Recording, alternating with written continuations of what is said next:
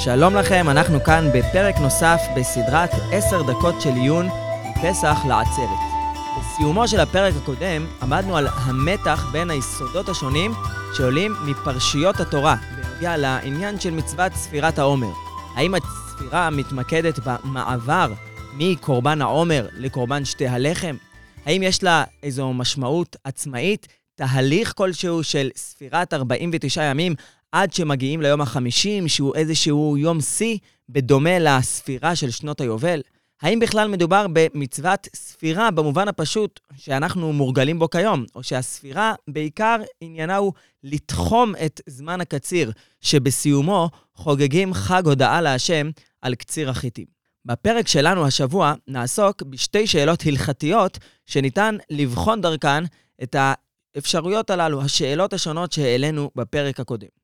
השאלה הראשונה, אולי השאלה הבסיסית ביותר בהלכות ספירת העומר היא, האם המצווה, בזמן הזה שאנחנו לא מקריבים את קורבן העומר, האם המצווה היא מהתורה או מדרבנן?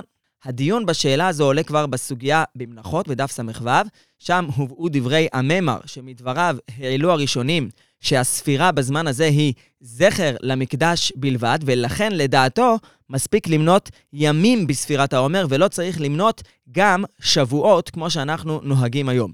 אז להלכה באמת נפסק כרבנן דבי רב אשי, שצריך למנות גם ימים וגם שבועות. אבל ראשונים רבים למדו שכל האמוראים מסכימים שהספירה בזמן הזה היא רק מדרבנן. המחלוקת של האמוראים היא רק בשאלה האם העובדה הזו שהספירה היא מדרבנן, האם היא משפיעה על הצורך למנות גם שבועות בזמן הזה. תוספות למשל, שם בסוגיה, למדו מהגמרא שלהלכה אפשר להקל ולספור בספק חשיכה, לפני צאת הכוכבים. והר"ן, שמסכם באופן כללי את הסוגיה, כותב שרוב המפרשים מסכימים, דספירת העומר עכשיו אינה אלא מדרבנן. והר"ן גם מסביר את טעם הדבר. כיוון שבזמן הזה, אומר הר"ן, אין קורבן העומר, אז גם אין מצווה מהתורה לספור את ספירת העומר. שיטת הרמב"ם, לעומת זאת, בהלכות תמידין ומוסופיני, שספירת העומר בזמן הזה היא מהתורה. ויכול להיות שהוא למד שמחלוקת האמוראים בנוגע לשאלה האם בזמן הזה צריך לספור גם ימים וגם שבועות, היא מחלוקת עקרונית. ולכן להלכה אנחנו פוסקים כשיטת רבנן דבי רב אשי, והספירה בזמן הזה היא מהתורה. בחידושי הגריז על הסוגיה במלאכות, מובא בשם אביו רב חיים מבריסק מהלך שלפיו גם הרמב"ם סובר שספירת העומר קשורה לדין של קורבן העומר. אלא שהרמב"ם הולך לשיטתו בהלכות בית הבחירה, שקדושת המקדש לא בטלה לעולם. ולכן באופן עקרוני ניתן להקריב קורבנות גם בזמן הזה. ממילא, אומר רב חיים, מצוות קורבן העומר נוהגת בעיקרון גם בזמן הזה, ולכן גם מצוות הספירה לא בטלה.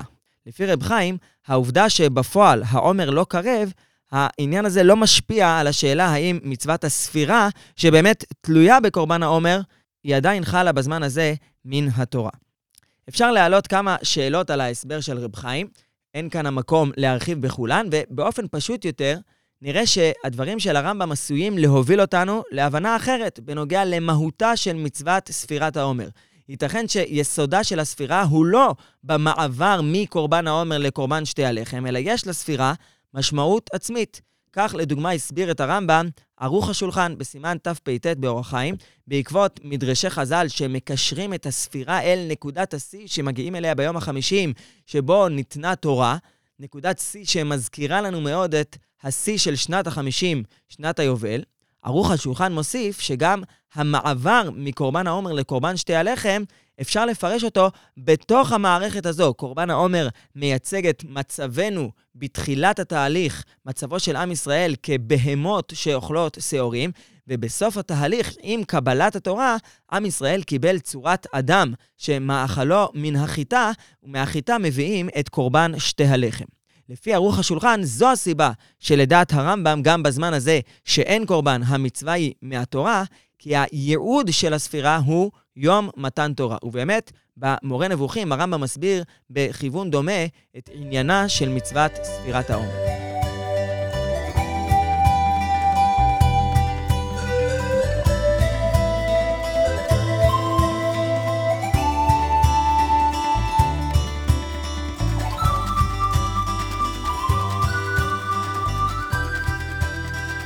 לעניות דעתי, יש קושי גדול לקבל את הפירוש הזה ברמב"ם, מהסיבה הפשוטה שהלכות ספירת העומר מובאות ברמב"ם לא בספר זמנים, אלא בתוך הלכות תמידין ומוספין בספר עבודה.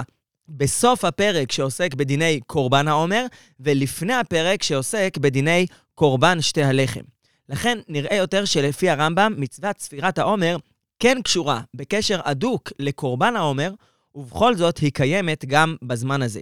אני חושב שניתן להציע כאן משהו דומה למה שהצענו כבר בשיטת הרמב"ם בהבנת איסור חדש, שקיים גם בזמן הזה, על אף שאין קורבן העומר. אף על פי שראינו שיש לו קשר הדוק אל הקורבן. בפרק הראשון בסדרה ראינו שהמורכבות באיסור חדש נובעת מכך שהתורה תלתה את האיסור גם בקורבן, עד אביאכם את קורבן אלוהיכם, וגם בזמן, עד עצם היום הזה.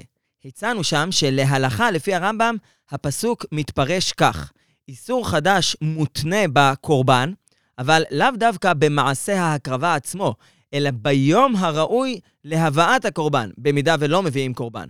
כיוון שיום ההקרבה מייצג איזשהו רעיון שמתבטא בקורבן, והרעיון, וממילא גם האיסור, איסור חדש, נשאר קיים גם בזמן הזה כשאין אפשרות להקריב את הקורבן בפועל. נראה שדבר דומה קיים גם ביחס למצוות ספירת העומר. וספרתם לכם ממחרת השבת, מיום אביאכם את עומר התנופה.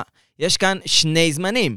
ממחרת השבת זה תאריך קבוע, ומיום הביאכם. זו תלות בקורבן, בהבאת הקורבן בפועל. נראה שלפי הרמב"ם גם כאן הפירוש הוא שהמצווה קשורה אל יום הבאת הקורבן. אבל גם כאשר הקורבן לא קרב בפועל, מתחיל איזשהו תהליך שקשור לאופיו של היום הראוי להבאת קורבן העומר, והספירה נמצאת בזיקה לרעיון המאפיין את יום הבאת הקורבן, גם אם הוא לא קרב בפועל. בעזרת השם, בהמשך פרקי הסדרה, נשתדל לבאר יותר את הנקודה הזו ואת המשמעויות שלה.